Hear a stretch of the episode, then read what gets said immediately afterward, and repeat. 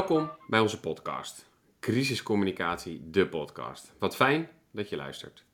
Mijn naam is Roy Honink. Ik help mensen graag met het ordenen van een incidentscenario. Om daarna te bepalen welke toegevoegde waarde heb jij als communicatieadviseur. En mijn naam is Dianne Deurlo. Ik help mensen graag met het versterken van wat ze vaak al kunnen: communiceren. Maar dan tijdens een incident of crisis. In deze podcast gaan we op zoek naar wat communicatie tijdens een crisis zo bijzonder maakt. Dat kan van alles zijn, zo blijkt iedere keer. Maar wat dat alles is, dat willen wij graag weten. We gaan ook in dit tweede seizoen weer in gesprek met verschillende collega's uit het veld. En wij hebben al van deze gesprekken geleerd. En we hopen ook dat jullie dat gaan doen. Vergeet je niet te abonneren op onze podcast. Veel luister- en leerplezier. We gaan in gesprek met Melika Schopen, manager marketing en communicatie van Sevragam. We spreken met haar over het hoogwater in Limburg van 2021. Wat betekent het evacueren van twee zorglocaties en een hospice tijdens hoogwater? Hoe zorg je voor een goede organisatie en communicatie met je doelgroepen en stakeholders? Dat zijn vragen die we met elkaar willen bespreken.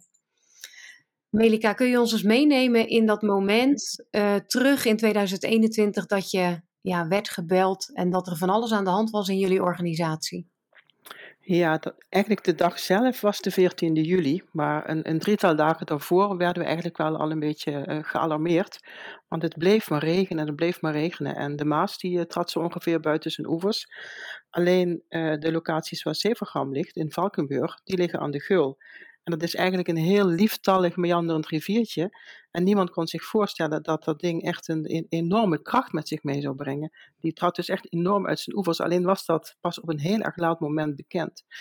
Dus die 14 juli uh, hebben we steeds wel alle berichten van, uh, van de hulpdiensten en van, van L1, hè, dus onze lokale omroep, in de gaten gehouden. Mm-hmm. Maar eigenlijk de hele dag, de hele middag was er geen reden voor uh, paniek. En dat zeiden de hulpdiensten ook. Totdat ik rond een uur of zeven s'avonds gebeld werd door Pim Sterneman, dat is onze voorzitter van de Raad van Bestuur.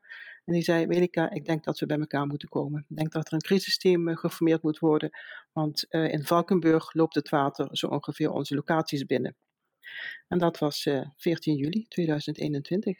Ja, en was dat voor, jullie voorzitter Raad van Bestuur inderdaad de trigger, omdat het toen in Valkenburg al uh, misging? Want je had eigenlijk tot op dat moment nog geen signaal van de hulpdiensten gehad, toch?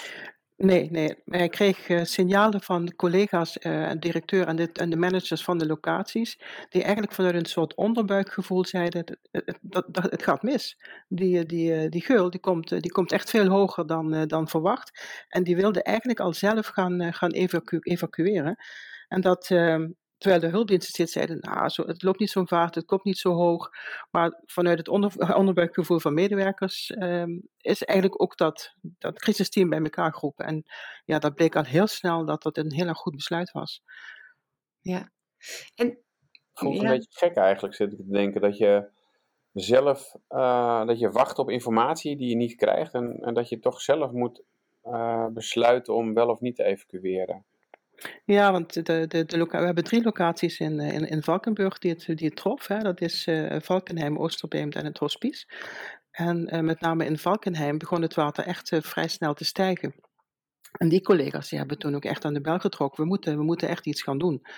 En die zijn toen ook zelf um, materieel gaan zoeken. In die zin hè, dat ze keken of er bijvoorbeeld bussen waren die ze konden gebruiken om de bewoners te evacueren. Maar het ging zo razendsnel dat dat uh, ja, uiteindelijk echt een, uh, een, een, behoorlijke crisissituatie werd. Dus je bent eigenlijk en, gewoon echt letterlijk overvallen door het water? Letterlijk overvallen door het water, ja. En als je, ja, je, misschien ben je wel eens in Zuid-Limburg geweest, maar als je dat riviertje nu ziet, ja, het, hij is wel echt heel schattig en lieflijk. Maar als je ziet uh, de beelden van, van Valkenburg zelf, hè, maar ook van onze locaties, uh, er is natuurlijk ontzettend veel uitgezonden in die tijd. Ja, dat was één groot binnenmeer geworden, bij wijze van spreken. En dan eigenlijk allemaal met, met modder en planken, alles dreef maar door, uh, door dat stadscentrum. En dat kwam ook allemaal die locaties binnen. Het was één grote modderboel wat er binnenkwam. Ja. En waar begin je dan als, als crisisteam als je dan, nou, je wordt bij elkaar geroepen. Mhm. dan, dan, dan ben je bij elkaar. Zijn jullie fysiek bij elkaar gekomen? Dat kon We zijn, ja, we zijn fysiek bij elkaar gekomen. Alleen onze eh voorzitter raad van bestuur die kon niet tot in Heerlen komen. Hij woont zelf in Maastricht. De autosnelweg eh, die stond dus gewoon echt blank. En die is naar een van onze, onze locaties in de buurt eh, van Maastricht gegaan. En van daaruit hadden we ook een, een internetverbinding, een Teamsverbinding. Zodat we wel steeds contact met elkaar hadden. Dus hij zat in, eh, in, in, in Huls, Hulsberg, heet dat. En wij zaten in Heerlen in het crisiscentrum. Dat is eigenlijk het, het, het hoofdkantoor van Sevagram, waar alle bureaus zitten, waar alle ondersteunende diensten zitten. En daar eh, is een aantal mensen bij elkaar gekomen. Ander bestuurslid, Trudy Severance, eh, onze crisiscoördinator was erbij. Iemand van HR, iemand van de medische dienst. Dus het was een, een crisisteam wat, wat we eigenlijk al kenden vanuit de coronatijd. En dat is eigenlijk weer eh, die 14 juli eh, weer eh, operationeel geworden. Ja. Of dat was eigenlijk al operationeel, want corona was er natuurlijk ook nog steeds. Hè? Dus dat, maar alleen de reden om nu bij elkaar te komen was een andere. Ja, ja. En toen is daar eigenlijk direct al het besluit zelf genomen, we gaan evacueren. We gaan evacueren, ja. Ja. En dat besluit was eigenlijk al genomen door de, door de collega's op de locatie. Die waren eigenlijk al druk bezig. Ja, En dan heb je de locatie Valkenheim. Dat zijn eh, bewoners eh, met een dementieel beeld. Eh, psychogeriatrie. En die bewoners konden nog op dat moment nog heel goed geëvacueerd worden. Die gingen ook mee met de hulpdiensten. En die bewoners die zijn allemaal naar de locatie in Heerlen gegaan, waar wij allemaal zaten. Dat is, die locatie heet Plataan. En dat is een kliniek eigenlijk voor, voor revalidatie. En aan beneden bij die kliniek hebben we een enorm eh, opvangmogelijkheid. Er is een heel groot restaurant bij. En we wilden ook alle mensen centraal eh, bij elkaar brengen. Dus niet die daar naartoe en die daar naartoe. Maar even in eerste instantie allemaal op een centrale plek. Dan had je de eh, bewoners van de locatie Oosterbeemd. Dat zijn bewoners met een somatisch beeld. Dus eigenlijk bewoners die bijna allemaal in een rolstoel zitten. En die konden we door het ja, toch wel het snel stijgende water niet meer evacueren op dat moment. Die, die avond niet. En ja, de hulpdiensten die gebruiken dan een woord wat wij in onze communicatie liever niet gebruikten. Het woord inbunkeren. En dat eh, betekent dat je de bewoners eh, van, van de eerste verdieping of de begane grond naar een etage hoger brengt in hun rolstoel. Er was natuurlijk geen enkele lift meer in gebruik, was ook niet aan te raden om die te gebruiken. Dus medewerkers hebben de zware rolstoelen met de vele ook al zware bewoners eh één voor één naar boven getild naar die veilige eerste verdieping. En daar hebben de bewoners eh, de nacht doorgebracht. Eh, ze hebben zoveel mogelijk dekens en, en, en, en hè, dat ze warm bleven. Ehm, er was gelukkig eten beneden in de keukens, dus dat is, er was ook voldoende eten. Maar ze hebben wel een nacht ja, voor een groot deel op die eerste verdieping doorgebracht, in afwachting van de dag daarna, dat ze door de hulpdiensten geëvacueerd konden worden. En dat gebeurde eh, met shovels. Dus hè, mensen die echt vanuit een raam, vanuit een bovenverdieping, in hun rolstoel naar buiten werden getild. Ja, dat was natuurlijk, het had een enorme impact. Het zijn ook beelden die je, die je eigenlijk niet meer vergeet. nee, die gaan niet meer van je netvlies. Ja, Nee. en de, de derde locatie was het eh, hospice. En daar eh, verbleven op dat moment tien gasten. En die zijn toen gelukkig nog allemaal diezelfde nacht, of avondnacht, zijn die ook naar Heerlen eh, geëvacueerd. En hebben in de kliniek waar we dan zaten, allemaal nog een eigen kamer kunnen krijgen. Want dat zijn toch ja, terminaal zieke mensen. En daar moet je ja, heel zorgvuldig en heel ja, liefdevol mee omgaan. Eigenlijk alle drie de locaties worden geraakt door het water. Alle drie, ja. Twee kunnen evacueren, één niet. Moeten mensen naar een andere verdieping om Ja. te houden. Ja, en die worden dan de dag daarna werden die mensen geëvacueerd en die werden ook naar Heerlen gebracht. Dus in- iedereen ging in eerste instantie naar de locatie Plataan in Heerlen. En, en Ja. Dan, dan zit je bij, bij zo'n over... Hoe, hoe gaat het dan? Want jij bent communicatie. Hoe, hoe, ja, Mhm. hoe, hel- help mij even. Wat, wat doe je allemaal? Wat komt er allemaal op je af? Nou, wat wij als eerste deden en wat we ook heel erg belangrijk vonden, is dat eh, om familie of, of verwanten te informeren, wat gebeurt er op dit moment met jullie eh, naasten, met jullie vader, met jullie moeder, hè, met jullie tante. En we hebben samen met onze cliëntadministratie, heel veel collega's waren ook gewoon echt die avond naar kantoor gekomen met de cliëntadministratie. Die hebben een, een overzicht van alle cliënten van die verschillende locaties met hun eerste, tweede en derde contactpersoon. En we zijn die contactpersonen die avond en ook gedurende de nacht allemaal gaan bellen. En om te vertellen van wat met de betreffende verwant, met het betreffende familielid op dat moment gebeurde. Of hè, we hebben vanuit eh, Valkenheim kunnen eh, evacueren naar plataan. Dat blijft hij of zij uh, deze nacht. Of ja, we hebben het ja, op advies van de, van de hulpdiensten moeten inbunkeren. En de, de, volgende dag vindt dan de evacuatie plaats. En het is ons gelukt om, um, om iedereen te spreken. Dus het, voor ons was het belangrijkste dat de familie wist wat er gebeurde. En waar hun ja, geliefde op dat moment was. Ja. En je zegt te spreken, betekent dat je iedereen hebt gebeld? Bellen, ja, iedereen bellen, ja. Ja, ja. En dat hebben we echt, ik bedoel, het is, het is een, een, een, een het is echt een samenwerking geweest, gedurende, niet alleen gedurende die nacht, maar eigenlijk gedurende al die dagen en ook al die weken en maanden die nog kwamen, met heel veel verschillende collega's en heel veel afdelingen binnen Severgram. En ik denk dat als je überhaupt communicatie, doe je niet als afdeling communicatie alleen. En crisiscommunicatie, denk ik, moet je sowieso met z'n allen doen. En dat, uh, ja, dat, dat op, als je daar nu op terugkijkt, denk ik dat we echt ongelooflijk veel teamwork hebben geleverd als, als Severgram zijnde. Dan heb ik het niet alleen over hè, de cliënt, die cliëntadministratie die ik net zei, maar de collega's van het van facilitair, de collega's van vastgoed, uh, het servicebureau. Eigenlijk iedereen is betrokken geweest bij, uh, op de een of andere manier bij de communicatie met bewoners, met familie, met vrijwilligers. En dat was uiteindelijk ook wel heel erg mooi om dat samen op die manier te kunnen doen. En, en dit heb je allemaal gedaan op basis van het plan dat er lag? Of? Nee, nee, we hadden niet echt een crisiscommunicatieplan. En helemaal niet uh, wat betreft uh, hoogwater. We hebben wel evacuatieplannen, bij brand bijvoorbeeld. Hè, dat, dat ligt er allemaal vanuit de crisisorganisatie. Maar dit overviel je zo. Maar we, we hadden wel zoiets, en ik denk dat dat ook wel een beetje past bij hoe jullie uh, crisiscommunicatie zien. Uh, je moet het gewoon doen. En je moet dat doen wat je altijd zou doen, alleen is de boodschap nu een andere. En je hebt, je hebt met, dezelfde, met dezelfde doelgroepen te maken. Of dat nou je gewone dagelijkse communicatie is, zeg maar, en, maar nu ook. Dus je hebt die verwanten, je hebt de familieleden, je hebt de de, de, de, kinderen, je hebt de vrijwilligers, je hebt de stakeholders om je heen. Dat, je hebt een gemeente Valkenburg waar je intensief contact mee hebt. Je hebt je eigen medewerkers die, die iets meer afstand houden tot de ramp, maar die, die je wel wilt meenemen van wat is er eigenlijk allemaal gebeurd en waar, wat maken de collega's in Valkenburg nu allemaal mee. Hè? Want Zevengram zit in het Heuvelland, dus in Valkenburg, maar ook in Maastricht en in Heerlen. En voor een aantal was dat wat in Valkenburg gebeurde, ja, gewoon een beetje ver van mijn bedshow. Als je hoog en droog in Maastricht zit, dan denk je, huh, hoogwater, wat, is, uh, wat speelt er allemaal? Dus we wilden ook onze eigen medewerkers zo goed mogelijk meenemen om ja, te laten zien van dit gebeurt er allemaal op dit moment in, in Valkenburg met je collega's en met bewoners en met vrijwilligers. En dan val je dus eigenlijk terug, kijk, op uh, de reguliere communicatiemiddelen ook naar verwanten toe. Van bijvoorbeeld de dementengroep. Daar heb je denk ik, want mijn vader heeft ook dementie gehad, is ook in de zorginstelling. Ik was de eerste contactpersoon. Als ze mij niet konden bereiken, bel ik. Uh, de tweede, dat is mijn broertje. De derde is mijn moeder. Ja. Dat hebben jullie ook gedaan. Dat was, een, dat was in eerste instantie die, die eerste nacht, zeg maar. En wat we meteen de ochtend daarna hebben gedaan, is uh, op onze website uh, per locatie een eigen deelwebsite gemaakt. wat is de stand van zaken? Bijvoorbeeld de locatie Valkenheim, bewoners mm -hmm. zijn geëvacueerd, die zitten nu in Heerlen. Um, hetzelfde geldt voor de locatie Oosterbeem, hetzelfde geldt ook voor, de locatie, voor, voor het hospice. Dus voor elke, um, voor elke locatie een, een, een deelsite waarin mensen heel snel informatie konden, konden vinden.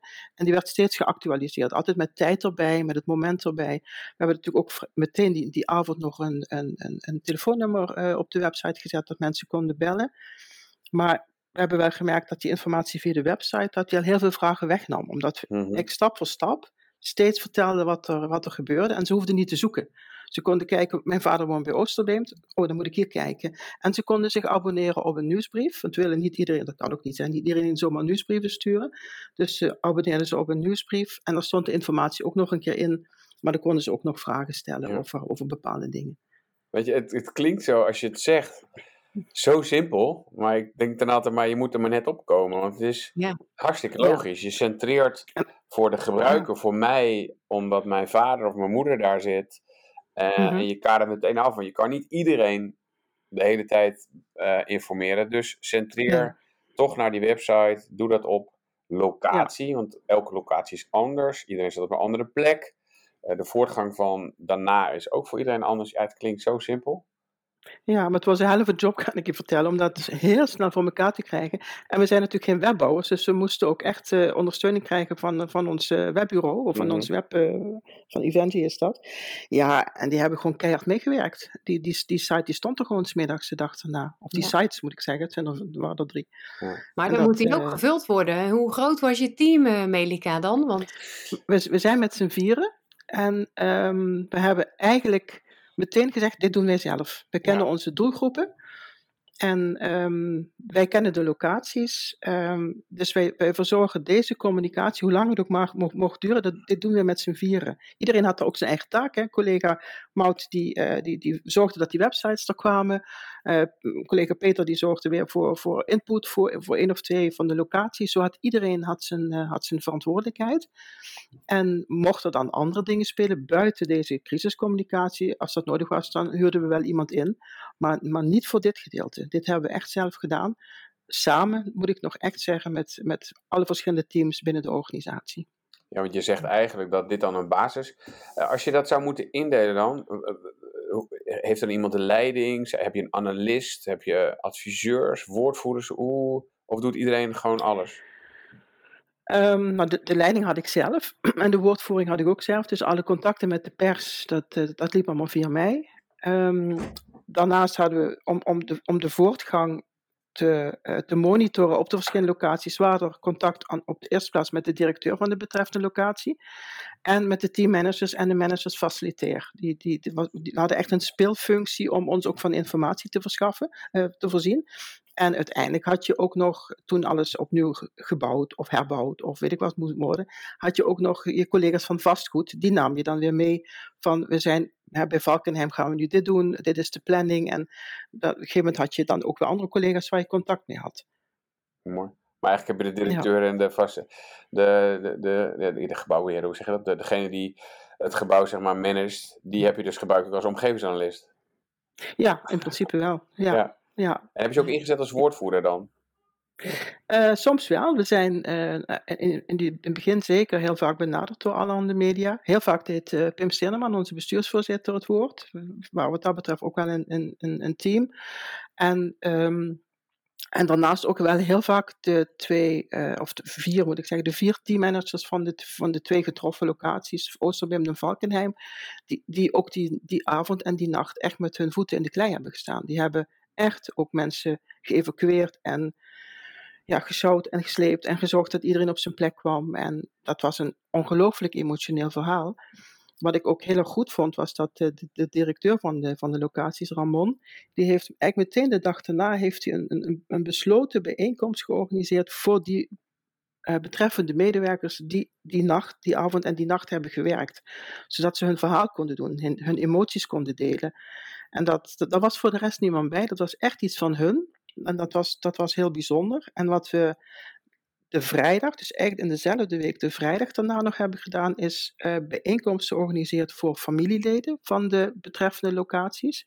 En daar hebben die teammanagers, die vier, en, het en de faciliterende managers, dus eigenlijk meer mensen, die hebben daar hun verhaal verteld aan familie en verwanten. Wat zij die nacht hebben doorgemaakt en hoe dat voor hun is geweest. Weet je, ik ben niet kerkelijk, maar het had bijna iets van een kerkdienst. Het was heel sereen, het was heel emotioneel. En je, je kreeg een enorm, enorme band tussen dat, dat, dat, groepje collega's wat, wat zich daar echt helemaal de pleuris heeft gewerkt en die familieleden. Je, je, ja, je krijgt ook heel veel begrip. Want op een gegeven moment um, zijn er ook gewoon dingen gewoon weg. Hè? Je, je, je, je vader is geëvacueerd en hij mist een aantal dingen. Want wat mensen bij zich hadden, waren de kleren die ze aan hadden. En omdat het op het moment was dat echt de meeste mensen naar bed gingen, hadden veel mensen nachtkleding aan. Ze hadden bijvoorbeeld hun, hun, uh, hun brillen al afgelegd. Ze hadden hun ja, gebit al uitgedaan. En um, dat zijn dingen die je wel nodig hebt. Dus uh, onze collega's van die locaties, die zijn diezelfde dag daarna, dus de 15e juli, zijn die eigenlijk een beetje met gevaar voor eigen leven, elke kamer afgegaan om persoonlijke spullen te gaan zoeken en te gaan meenemen voor de bewoners. Zodat ze weer mensen zouden zijn. He, door kleding was dan, was dan nat, maar ze hebben wel hun brillen gevonden, hun, hun, hun gebitten meegenomen. Uh, dingen die anders nog droog waren en persoonlijk waren. En die hebben ze eigenlijk vrij snel de dag daarna alweer kunnen, ja, kunnen overhandigen aan de bewoners. Ja, dat vond ik, dat vond ik zo bijzonder om dat, uh, Dus je ziet hoe mensen zich daar zo voor inzetten. Ja. Ik, Maar heb, ook- oh, sorry, ja, Dian. Nou ja, ook hier hoor je dan wel weer hè, dat ehm, een aantal stappen die jullie hebben gezet. Dus het denken aan je eigen medewerkers. Dus eigenlijk die interne communicatie door die bijeenkomst te organiseren, die besloten bijeenkomst. Ja. En dan een aantal dagen later ook weer denken aan familie, verwanten en daar een bijeenkomst voeren. En dat zijn wel, ja, als je weer teruggaat naar je doelgroepen, dan pel je dat weer wel af. Dus volgens mij hebben jullie Ja. dat heel goed, eh, heel goed gedaan. Ja, en ik denk dat we ook echt heel, heel goed hebben gekeken van natuurlijk zijn er ook nog andere doelgroepen die je moet meenemen, hè, maar, maar wie had nou echt de prioriteit op dat moment? En dat waren je medewerkers, maar het waren ook de vrijwilligers, want die zijn heel erg betrokken bij de locaties en, en, en, en familie, verwanten. En, en hoe bedenk je dan, want ik heb eigenlijk dit nog nooit gehoord in geen enkel ander incident, dat je eh, familieleden en de mensen die geholpen hebben echt bij elkaar zet. Wat was de gedachte daarachter? Eh, Precies zoals het uitgewerkt heeft en wie, weet je, we willen... De, de, de, de, degene die het heeft bedacht, ja bedacht klinkt zo raar, eh, was, was Ramon. En Ramon is de, directeur die over die, de, betrokken eh, locaties gaat. En dat is een, is een, eh, een gevoelsmens. En die voelt eigenlijk heel erg goed aan wat mensen nodig hebben. En ehm, dit, ja, dit was een schot in de ro- roos. Wat we vanuit communicatie hebben gedaan, is dat we dit gefaciliteerd hebben. En ook gezorgd dat er een locatie kwam waar dat heel snel allemaal geregeld kon worden. En, eh, maar het, het, het idee, de wens, kwam echt van, vanuit, eh, vanuit Ramon in dit geval. En ik denk ook, maar dat weet ik even niet zeker, ook van, vanuit de betrokken eh, teammanagers, die ook hun verhaal wilden vertellen aan, aan, de, aan de familie. Weet je, dit, dit verhaal, we hebben dat naar de hand ook nog, nog wel op papier gezet. Maar op dat moment was een papieren verhaal, dat was niet aan de orde, dat was niet voldoende. Je moet, wij vonden dat persoonlijke contact, en dat is eigenlijk wel inherent als je kijkt naar wat Zevengram doet, dat persoonlijke contact op zo'n moment ja, was, is gewoon het belangrijkste. En ook dat mensen vragen kunnen stellen en, en misschien ook wel een beetje hun boosheid kunnen uiten of een emotie, dat, dat, dat kon ook allemaal. En dat werd ook heel mooi geregisseerd, maar uiteindelijk ja, ging iedereen weg met, met het gevoel van ja, dit was, eh, was heel waardevol. Dus het, het doel is dan eigenlijk om een begrip te kweken voor de dingen die jullie gedaan hebben, dingen die jullie niet gedaan hebben, zodat mensen zich ook realiseren die thuis zitten, wiens vader, moeder, oom, tante bij jullie in de instelling zit om, te, om eigenlijk te laten zien wat we wel en niet gedaan hebben. Dus eigenlijk ja, een soort procesinformatie, maar dan face-to-face. Niet op papier, maar Ja. persoonlijk maken. Ja. Echt het, echt het persoon, misschien is begrip ook niet zozeer het goede woord, maar wel dat persoonlijke contact. En, en laten zien, eh, het met elkaar delen wat, wat we hebben meegemaakt. Dat, misschien is, is dat het meer. Hè? Familie heeft, wellicht in angsten gezeten. En, en, en van, oh, wat gebeurt er allemaal? En waar gaan ze naartoe? En als je dan vanuit de collega's die daar eh, met hun voeten in het water hebben gestaan, vertelt van ja, maar, maar, so- maar soms ging het ook niet sneller dan, dan wat we gedaan hebben. Hè? En een, een voorbeeld, één collega die kwam tussen twee elektrische deuren in te zitten. En dat water dat steeg en die deuren gingen niet meer open om, om, omdat de stroom was uitgevallen. Dat was een enorm paniekmoment. Als je dat soort dingen kunt vertellen en kunt delen, ja, dan krijg je misschien toch dat woord begrip inderdaad, Roy, wat je zegt. Maar Ja. ja, Ja, omdat ik, ik, ik ja, ik, ik, het is, ik hoor nu voor de tweede keer je verhaal. eh, en het, het, het blijft inderdaad fascinerend en het komt enorm dichtbij. En je, stel ook als, je, als mijn vader of moeder daar zou hebben gezeten, dan, dan zou ik het enorm waardevol hebben gevonden. omdat ik volgens mij, daar zit ik ook naar te zoeken, eigenlijk laat je ook hiermee zien dat ehm degenen die hulp verleend hebben, eigenlijk net zo goed slachtoffer zijn. En net zo goed Ja. slachtoffer zijn. ja in elk geval heel, ook heel kwetsbaar waren op dat En moment. dus hè. kwetsbaar, ja. maar wel hun professionaliteit eh, hebben, hebben doen gelden. En, en eh, eigenlijk, ja, ik denk, als je daar ook op dat moment was geweest, dan had je hetzelfde gedaan. Want er moest wat gebeuren met, eh, met, met deze kwetsbare mensen. Ja. En eh, ja, koste wat kost, ze moesten geëvacueerd worden.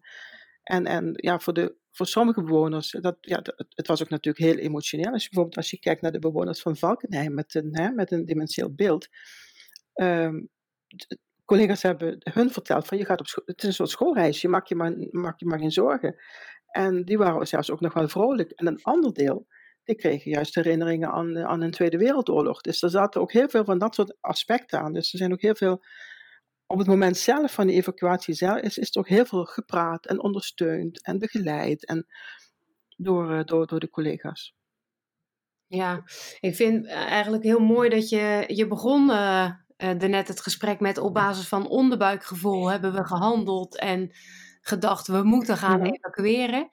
En daarna, de dingen die jullie gedaan hebben, hebben jullie ja, eigenlijk ook op basis van gevoel gedaan. Hè? Als ik je zo hoor, van wat is nu nodig? En ja, soms zeggen ze wel eens uh, emoties zijn slechte raadgevers, maar... Um, daar tegenover staat. Jullie hebben er eigenlijk naar geluisterd en dat heeft ook heel erg goed gewerkt. Dus dat is wel iets wat, uh, wat we moeten leren ook, hè? dat we dat gevoel ook laten spreken. Ja, dat en misschien je ook wel heel erg goed kunnen verplaatsen. Want Roy zegt net, het komt wel dichtbij, want mijn vader zat ook. Hè. Toen ik, mijn ouders staan nog niet, maar ik, ik verplaats me wel steeds van in, in, in zo'n verwant van, ja, wat zou ik nou willen weten? En wanneer? En, en wat voor soort informatie zou ik nou willen hebben? Dat kan heel makkelijk als je al oudere ouders hebt. Hè. En, en dan, ja, dat, ja, je verplaatst ze in. Dat, ja, dat, gaat, dat gaat dan vanzelf. Jullie hebben heel veel dingen gedaan. Eigenlijk het eerste belrondje van waar zijn onze mensen. Vervolgens leiden naar een website. Vervolgens een interne bijeenkomst. Nog een keer een interne bijeenkomst met uh, verwanten. Um, gewoon hoe. Het klinkt, heb je dan overleggen nog met z'n vieren? Uh, hoe, hoe gaat het? We hebben eigenlijk zeggen, ik heb, we zijn met z'n vieren zijn we een communicatieteam. Mm en heel veel mensen helpen ons met de communicatie. Een directeur is eigenlijk een soort omgevingsjournalist soms. Een facilitair medewerker of weet ik wat zetten we soms in als woordvoerder. Iedereen die vragen heeft. Dus we zijn eigenlijk een groot communicatief team. Ja. hoe gaat dat dan in het overleggen en daar gaan we naartoe, daar gaan we naartoe? Waar, of heb je alles, ja, hoe ziet eigenlijk de structuur er dan uit bij jullie? Nou, eigenlijk, en dat, ja, zo, zo, zo, is het ook van, van, van ja, ook met andere zaken, alles komt via mij binnen. Alle vragen, eh, mhm. alle verzoeken, dat komt allemaal via mij binnen. En we, we hadden toen gewoon dagelijks overleg, s ochtends vroeg al met het, met het team. En, wat, en dan zeiden we, wat, wat kunnen we nu alweer opnieuw communiceren? Hè? Bijvoorbeeld als je kijkt, zo'n, het, het, um, op een gegeven moment zijn alle bewoners naar Heerlen gegaan. Dat was in die nacht van 14 juli. Maar daar konden ze niet blijven. Dus bewoners moesten naar andere locaties van Severgam. En um, ook dat hebben we natuurlijk vrij snel gelukkig kunnen communiceren. Omdat. Um, wacht, dan ben ik even mijn draad kwijt. Wat de structuur was. Ik zei wat de structuur. Hoe ziet het er dan uit allemaal? En alles komt via ehm, jou binnen, zei je? Alles komt via, alles komt via mij binnen. En elke ochtend uh, werkoverleg. Mm En dan ik, ik, ja, ik, ik, ik, hoorde, ik gaf dan aan van wat we moesten gaan doen. We wisten van deze groep mensen zijn bijvoorbeeld naar een, een locatie in Maastricht verhuisd. Dat, dat moeten we gaan uh, communiceren. Ik was een beetje de linking pin vanuit um, dat crisisteam nog, wat er, wat er nog was, hè, met de directeur, met vastgoed, met HR, naar onze afdeling communicatie. Of naar, mhm. naar mijn eigen team, laat ik het zo mhm. zeggen. En ja, dat was, we hadden gewoon elke ochtend daar overleg over. En um, zoals ik al zei, de een hield aan de website het nieuws bij. Ehm, de ander maakte een QA, die hadden we ook nog op, uh, ook op die website staan, maar ook nog binnen, binnen de interne communicatie. Dus de ander was weer verantwoordelijk voor die interne communicatie, zorgen dat, dat vraag en antwoord. Uh, weer een, een, en de andere collega die zorgde dat er bijvoorbeeld, uh, er moest beeld, wij, vonden dat er beeldmateriaal moest komen, dus die heeft ook voor gezorgd dat er foto's en films werden gemaakt. Want we, wilden, we wisten al dat we na een aantal maanden iets wilden gaan doen met een soort ja, herdenkingsboek of herdenkingsmagazine. En die heeft zich bezig gehouden met de mensen, wie, welke mensen zouden geïnterviewd kunnen worden. Hebben we, kunnen we al foto's laten maken? Dat, ja, je hebt hem. ja, niemand ziet dat straks natuurlijk in de podcast, maar ik heb nee. er eentje thuis, ja. Ja. ja. ja. ja. Maar ook dat is iets, hè, want uh, we hebben hem inderdaad van je gekregen. Maar ook dat is wel iets wat, ja, ook hier kom er maar weer op. Een magazine maken met nou, beeldverhalen van mensen. Hè, een aantal uh, maanden na, na de gebeurtenis. Ja, dat is ook weer. Uh, ja, dat was een idee van, van mijn collega Peter. Ja. En um, ook, ook teamgenoot. En die is van nature echt iemand die verhalen wil vertellen. En hij had ook echt het idee, hier moeten we wat mee, ook als een afsluitend iets. Hè. En ook uh, zowel intern als, als voor alle uh, betrokken bewoners, maar ook uh, naar stakeholders toe. Dus zo, bijvoorbeeld mm -hmm. naar zo'n gemeente Valkenburg. Dus die, die heeft dit, dat hele magazine heeft die, eigenlijk gecoördineerd en gezorgd dat het er kwam. En dat was ook zijn, zijn taak, maar ook zijn eigen initiatief. Ja, daar stonden we natuurlijk duizend procent achter met z'n allen. Hm. Ja, want hij heet eh, dan, het special is het, november 2021, voor alle bewoners, cliënten, vrijwilligers en medewerkers van de Zevengram locaties. Dus het is eigenlijk, als je het zegt, het is eigenlijk een redelijke interne doelgroep. Het is niet bedoeld voor mij als, als, als externe, het is niet bedoeld voor de verwanten, maar het is eigenlijk bedoeld voor de groep die geraakt is door de drie evacuaties. Klopt? Ja, en het, het is uiteindelijk ook uitgedeeld aan, aan, aan juist bijvoorbeeld die gemeente Valkenburg. Ja. Dus we hebben het wel breder, breder uitgezet Eh, dan alleen intern. Ja, Ja, maar de, maar de ja. basis waarvoor je het geschreven hebt, is intern om eigenlijk een soort verwerkingsproces, zeg je, en om het Ja. af te sluiten. Af te sluiten. En eh, het is ook goed om te weten, een, een, een groot aantal van de bewoners van Valkenburg, die zijn eh, bijvoorbeeld ondergebracht op een locatie van Severgram in Maastricht. Mhm. Dus die medewerkers, die zijn er dan zijdelings ook weer op hun manier bij betrokken. Ja, ja. En vandaar dat het ook eh, voor heel Severgram was bedoeld. En niet alleen voor de drie locaties in, in Valkenburg. Ja. Dus uiteindelijk heeft de ramp, noem ik het maar even, Mhm. impact gehad voor de hele organisatie. Ja, Op verschillende manieren. Ja. Dus we zitten al ook natuurlijk in de afsluiting. Eh, dat viel me ook op. Er zijn. Ja, ik denk dat het nog. eh, We zitten in 2023, maar volgens mij hebben jullie er nog steeds last van. Kan, je ons eens meenemen? Wat is er allemaal nog gebeurd nadat het water weggaat en wat betekent dat voor communicatie? Ehm, nadat het water weg was, ehm, hebben we, of niet hoor, maar met name de collega's van vastgoed en faciliteer gekeken. ehm, wat is er nog over van die locaties? Wat moet er gebeuren? Eh, concreet betekent dat dat eh, het pand van het hospice, dat was geen eigendom, maar dat kon door de eigenaar vrij snel worden, worden opgeknapt. Mhm. En eh er konden, ja, konden ook ja, vrij snel gasten worden opgenomen. Ehm, het pand van Oosterbeemd, dat was de, de benedenverdieping, was, was behoorlijk eh, vernield. Er waren ook sinkholes en, en, en, hè, weet ik, en gevaarlijke toestanden. De bewoners van die, van die benedenverdieping die zijn eh, op een andere locatie zo lang eh, gebleven met de medewerkers en met hun vrijwilligers. Zodat het, het, het groepje wat ze kenden gewoon echt wel compleet bleef. Hè? Dat ze niet al te veel nieuwe gezichten zouden zien. En toen is eh, keihard gewerkt om die benedenverdieping eh, te herstellen. En toen konden eh, bewoners en medewerkers en vrijwilligers ook weer terug. En dat zijn allemaal stappen in de communicatie. En dat we dan goddank ook gewoon die eigen websites hadden voor die locaties, wat we steeds aan konden communiceren. Ja, en Valkenheim was een heel ander verhaal. Valkenheim eh, was totaal vernield. Dat eh, kon absoluut niet meer gebruikt worden. We zijn daar ook eh, een, een week of week later zijn we daar naartoe geweest. en ja, het, het, het, water stond knie, of had kniehoogte gestaan, of watermodder moet ik zeggen. Mhm. Ja, het stonk enorm. Eh, Er dreef van alles door dat gebouw had gedreven. We hebben toen ook de familie, we wisten dat het niet meer te redden was, ook de familie die gelegenheid geboden om dan nog een laatste keer naartoe te gaan onder, onder begeleiding. Om toch te kijken van, eh, om, om afscheid te nemen ook, eh, ook van dat pand. Ehm, en dat heeft ongeveer een klein jaar geduurd voordat er een, eh, een, een nieuwe locatie Valkenheim was, dus een nieuw pand. En ehm, daar zijn bewoners, ook weer nieuwe bewoners, ehm, een jaar daarna zijn die ingetrokken, ingehuisd. Ja. Dus eigenlijk dik een jaar later was iedereen weer terug in Valkenburg, hoe dan ook. En dat was ook wel een streven wat we wilden, hè, want het is zo'n hechte gemeenschap. Ja, ook met mede, die medewerkers, of onze collega's, die wonen bijna allemaal daar in de buurt. Dus Mhm. het is ook hun Valkenburg, hè, hun Valkenheim, hun Oosterbeem. Dus het, het was ook een belofte vanuit de Raad van Bestuur van binnen een jaar zijn jullie allemaal weer terug. En dat, eh, ja, daar hebben, hebben mensen keihard aan gewerkt. En met name vastgoed en faciliteer. Maar wat betekent dat voor communicatie dan?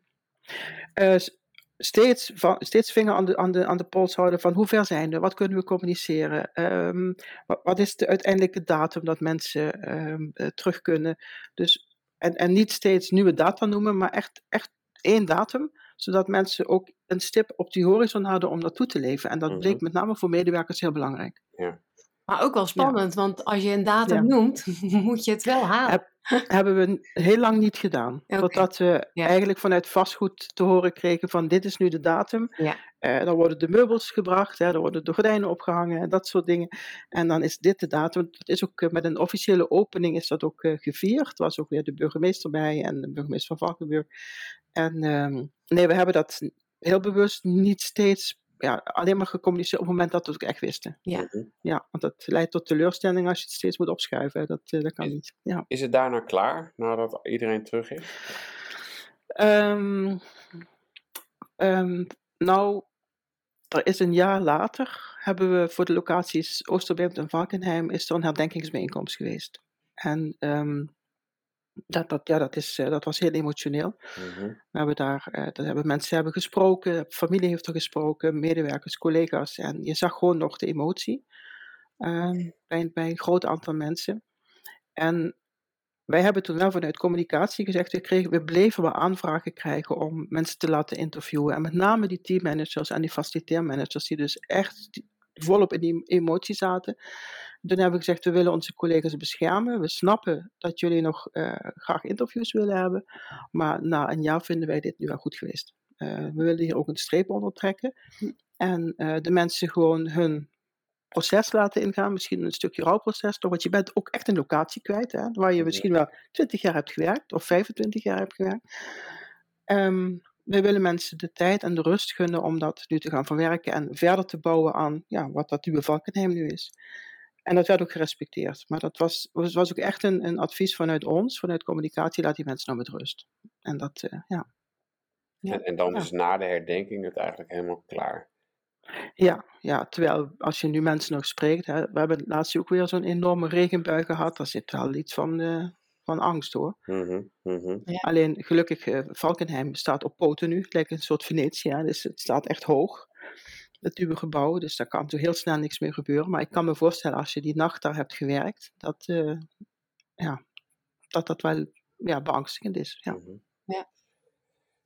Ja, wij dachten inderdaad een herdenking. Eh, ik weet dat we dat hoorden. Dachten, huh? maar kijk hoe je het uitlegt. En ook daar weer de functie die het zowel communicatief heeft als eh, vanuit de emotie. En jullie doen heel Ja. veel, eh, omdat het natuurlijk ook in de zorgsector is, denk ik. Maar ook de, de Mhm. patiënten waar je zorg voor hebt, vind ik dat een hele mooie combi van eh, emotie en communicatie die Ja. samen laat komen.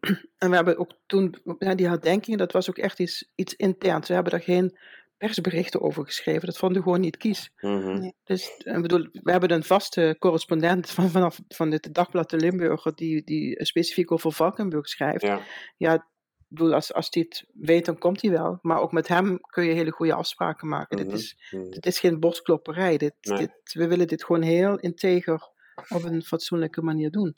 Ja. Ja. Ja. dus niet eh, om eh, voor de reputatie van jullie organisatie, maar om een Nee. hele andere redenen. Ja.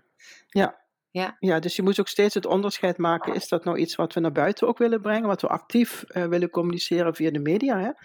Of is dit, ja, het is wel iets wat, wat buiten gebeurt, maar willen we dit gewoon klein en intern houden? En dat waren steeds afwegingen die je maakte. Ja. mooi. Melika, voor ons was het de tweede keer eh, dat we nu je verhaal hoorden. Maar na de eerste keer dachten we, ja, we moeten je ook gewoon voor de podcast vragen. Eh, ja, opnieuw eh, echt indrukwekkend eh, om het te horen. Eh, dank dat je dit wilde delen. Ik denk voor andere zorgpartners dat het eh, echt een inkijkje geeft in hoe dingen kunnen gaan en wat er op eh, communicatie afkomt. Ja, dank dat je dat, eh, dat je dat wilde doen. Heel graag gedaan en dank voor jullie uitnodiging. Bedankt voor het luisteren. Dit was niet onze eerste en zeker niet onze laatste podcast. Laat ons horen wat je ervan vindt. Met een review of een bericht, daar worden wij altijd blij van. En vergeet je niet te abonneren op onze podcast. Wil je meer weten over crisiscommunicatie? Kijk dan even op crisiscommunicatieacademie.nl.